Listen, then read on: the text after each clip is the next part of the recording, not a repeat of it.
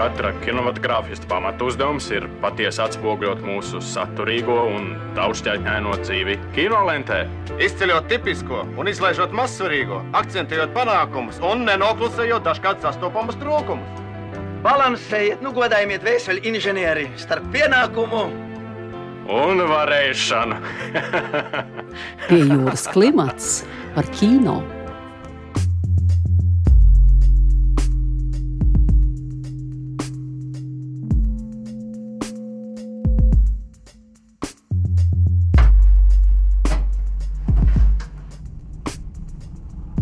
Esiet sveicināti pie jūras klimata klausītāji. Nu pat pasniegti jau 70. Berlīnas kinofestivāla jeb Berlīnās balvas - zelta, sudraba un citi lāči.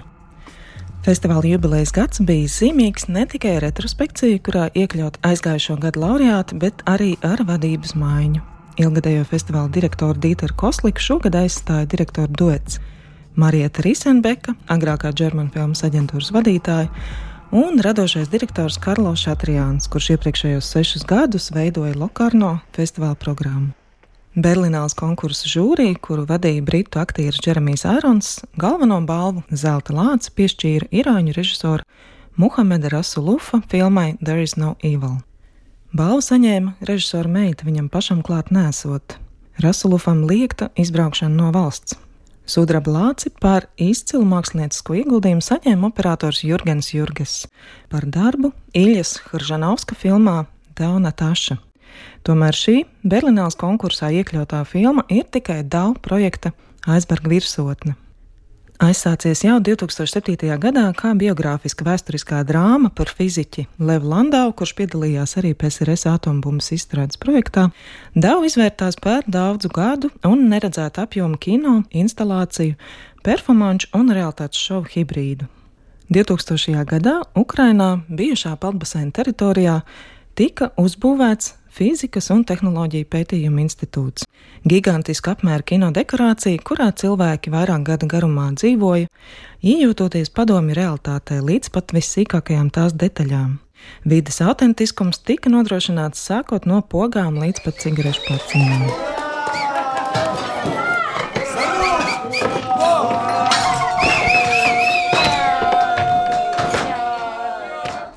Institūta telpas tika būvētas filmas māksliniekam Denisam Šibanovam, nekonsultējoties ar filmas operatoru. Lielākoties dziļās un tumšās, tajās bija teju neiespējami veikt filmēšanu. Jurgens Jurges, ievērojamais operators, kurš strādājis gan ar Raineru Werneru Fasbinderu, gan Mihailu Haneku un Vimu Vendersu, sākotnēji atteicās turpināt darbu tik nepiemērotos apstākļos. Tomēr, nespējot atrast sev aizvietotāju, viņš radīja jaunu filmēšanas koncepciju, un turpināja dalību utopiskajā projektā, kopā uzņemot 700 stundu materiālu uz kinolentes. Jurgis kopā ar otro operatoru un režisoru pārvietojas pa institūta telpām, filmējot bez scenārija, tērpti melnā un pārseguši kameru ar melnu drapēriju, lai neatspoguļotos spīdīgajās dekorāciju flīzēs.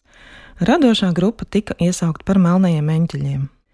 Viņi vienkārši bija klātesoši dažādos gan ikdienišķos, gan ekstrēmos dzīves mirkļos, ko izspēlēja vai drīzāk izdzīvoja 400 neprofesionāli aktieri, tā skaitā arī pazīstami mākslinieki, mūziķi, performanču mākslinieki, zinātnieki un desmit tūkstoši statistu.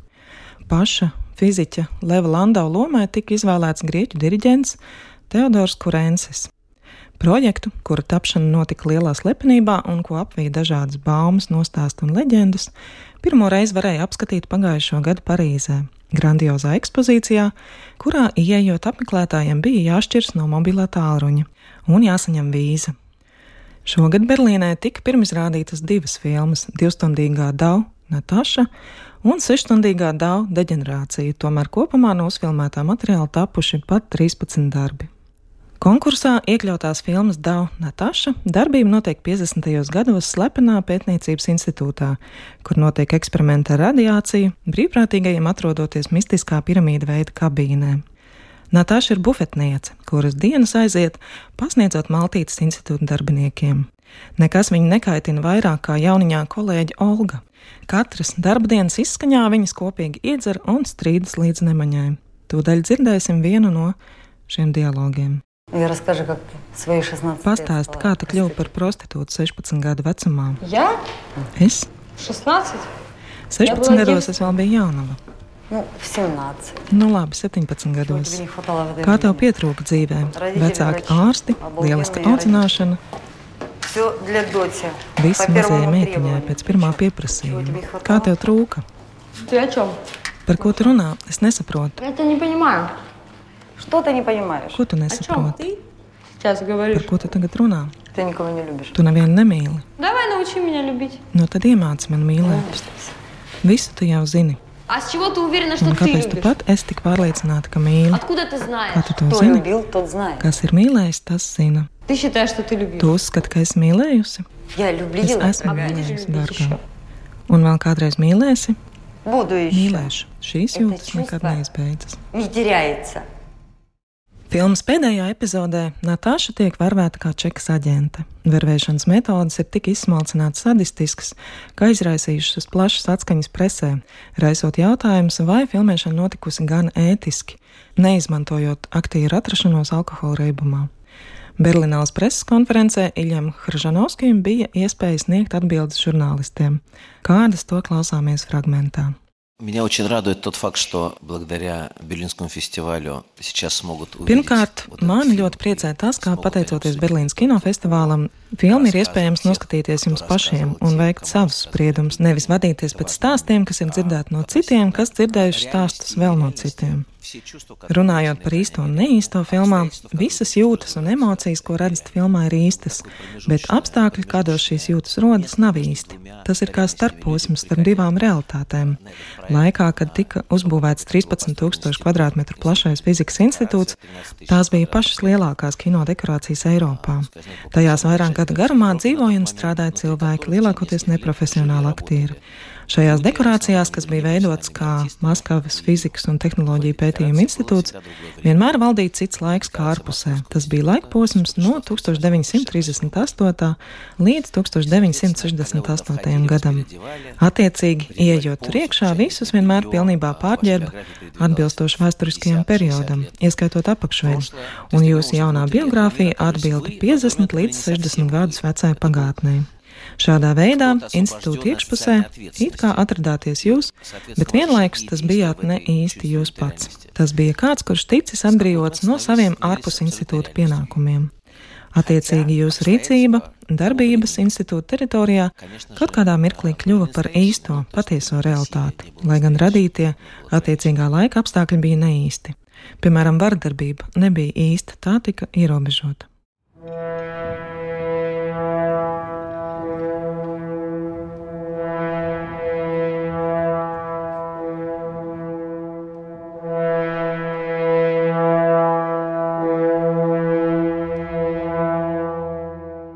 Sudraba Lāci kā labākā aktrise saņēma Paula Bīra par darbu vācu režisoru Kristiānu Pecodu filmā Undīna. Pēcauda iepriekšējais darbs Tranzīts, kurā tāpat galvenajās lomās redzami Paula Bīra un Frants Rugovskis, tika izrādīts arī Latvijā, Rīgas starptautiskajā kinofestivālā. Viņa jaunākās filmas Undīna pamatā ir mīts par daļo nāru, kas mīt meža ezera dzīvēs. Undīnas mīlu nedrīkst pievilt, tad vīrietim draud nāve, bet nārai jāatgriežas zemūdens dzīvēm. Pēcalda Undīna ir vēsturniece, kas strādā kā gida muzejā. Viņa satiek Kristofu, industriālo nirēju, un sākas skaists mīlestības stāsts, ja nevien mīta nolemtība. Pēcauts stāsta, ka filmas, kurā realitāte saplūst ar mītisko telpu, ideja ir radusies kādā 20. vai 25. tranzīta filmēšanas dienā viņam kopā ar abiem aktieriem, Francu un Paulu, sēžot pizzērijā. Sie mussten Abschied nehmen. Wenn man Abschied nimmt von Drehorten, an denen man sehr schöne Dinge gemacht hat, wird man sehr sentimental. Mums bija jāatvadās no lokācijām, kur pavadīts tik daudz laika, un šādos momentos mēs mēdzam kļūt sentimentāli. Es izstāstīju aktieriem stāstu par Undīnu, jo viņi iznāk no ūdens, bet tranzītā Pauls atveidotā varona savukārt dodas iekšā ūdenī, viņa slīkst. Bet Franca varonis turpina viņu, savu iemīļoto gaidīt atgriežamies.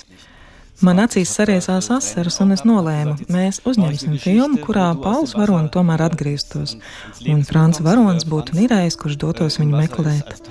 Tas būtu mīlestības stāsts, kam nebija lēmts piepildīties filmā Tranzīts. Äh, ihr habt diese Liebesgeschichte, die euch in Transit verwehrt war.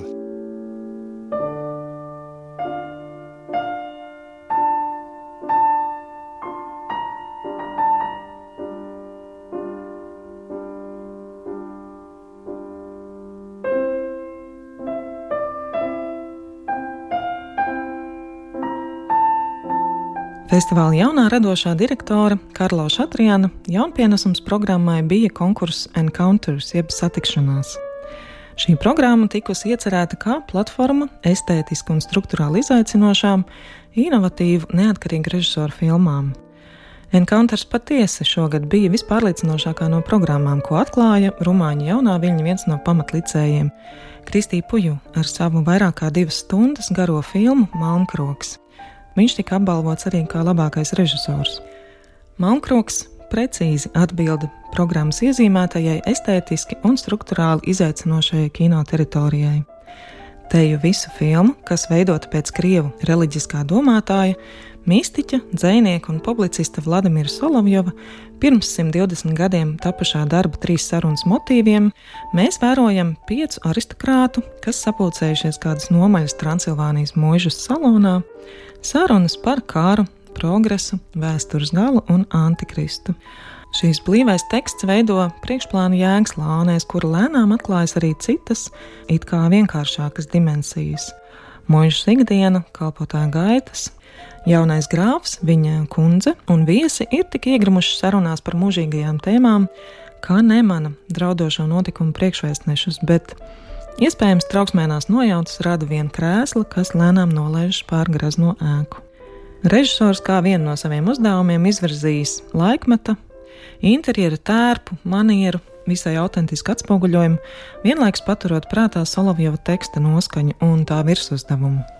Solovjovs pats par savu sacerējumu rakstījis: Tie spēki, kas vēstures gaitā pārvaldījuši cilvēci, piedzīvos sadursmi zvēru priekšā, kuram tā ķermeni uzplēšot izaugs jauna galva, vispasauli vienojošais antikrista spēks. Tas teiks spēcīgus un pacelājošus vārdus, metot mirdzošo labā un taisnīgumu šķidrautu pāri netaisnības mistēriju. Mans nolūks, rakstot šo īstarbu, bija atmaskot to maldinošo seju, kas slēpj ļaunumu bezdibeni.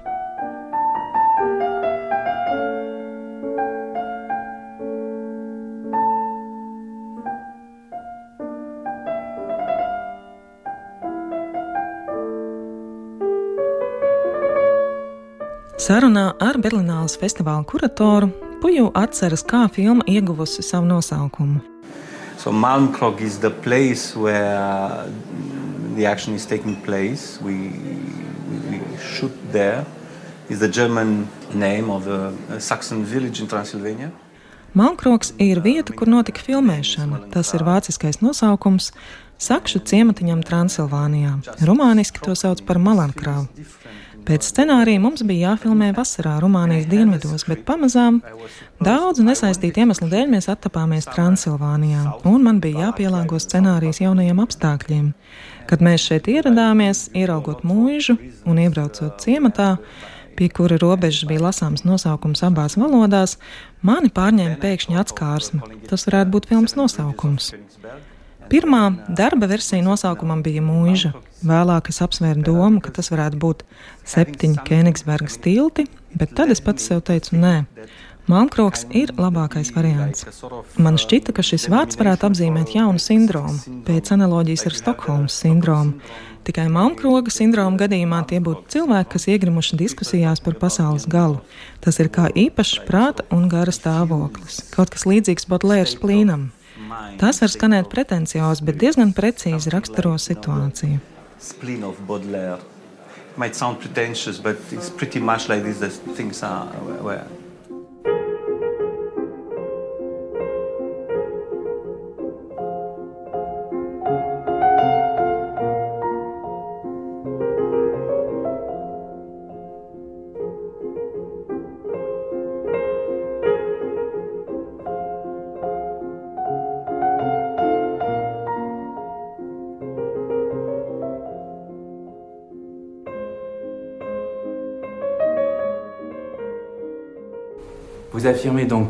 Tu uzstāji, ka nogalināt, atņemt kādam dzīvību, jebkurā situācijā ir absolūtais ļaunums, bez mazākajām šaubām. Bet vai tikt nogalinātam arī ir absolūtais ļaunums?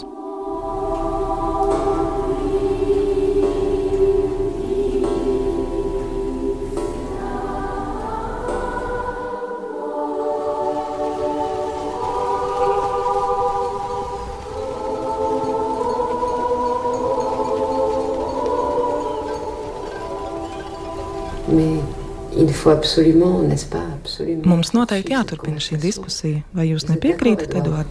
Pour poursuivre cette conversation, Tām, ka mums jāturpina diskusija, un es jau nopriecājos, ka tā bija galā.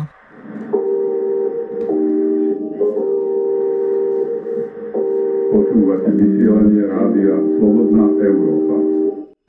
Encounters programmā bija iekļauta arī slovāku režisora, dokumentālista Ivana Strahovska pirmā spēļu filmu Kalpotāji, kuras darbība notiek Čehoslovākijā 1980. gados. Filmas, kuras manbaltā estētika un rūpīgi veidotais kadrējums atsauc atmiņā gan Čehu jaunā viļņu kino, gan godāgotā poļu režisora Pāvela Pavļakovska darbus, galvenie varoņi ir divi puiši, kas nolēma pievienoties teoloģiskajam semināram, lai rastu patvērumu no komunistiskā režīma realitātes. Semināra nošķirtība no pasaules izrādās iluzora. Garīdznieki slepenībā klausās brīvo Eiropu un lasa aizliegto literatūru.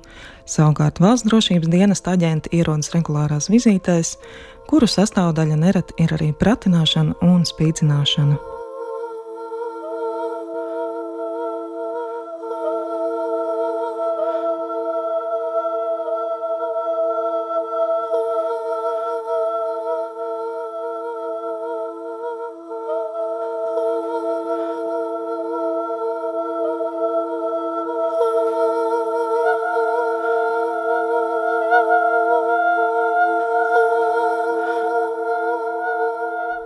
Par spīti tam, ka palikusi bez viena no centrālajiem Potsdamas laukuma kinoteātriem, bez ātrās ēdināšanas restorāna virknes blakus esošajā tirzniecības centrā Arkāden, kurā rekonstrukciju šogad ļoti sāpīgi uztvēra izsalkušie un steidzīgie festivāla viesi, un pašā vīrusu sezonas plaukumā Berlīnā šogad atstāja visai sparīga un jauneklīga 70-gadnieka iespaidu.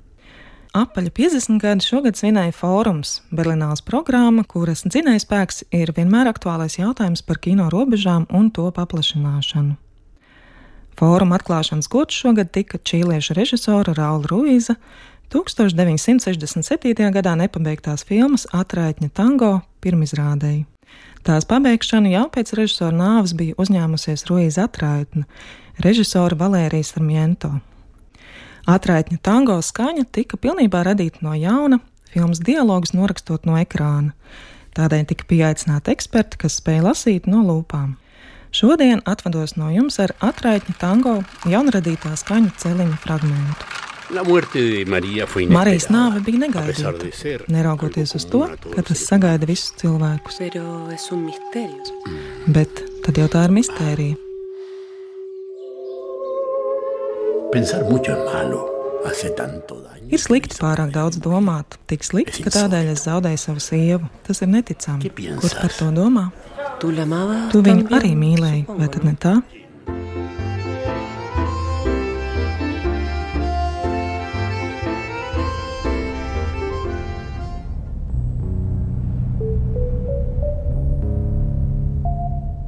Raidījumu vadīja Sonora Broka un Monteja Judīta Bērziņa, pie klimata producente Inga Saksone. Raidījums tapis ar valsts kultūra kapitāla fonda atbalstu.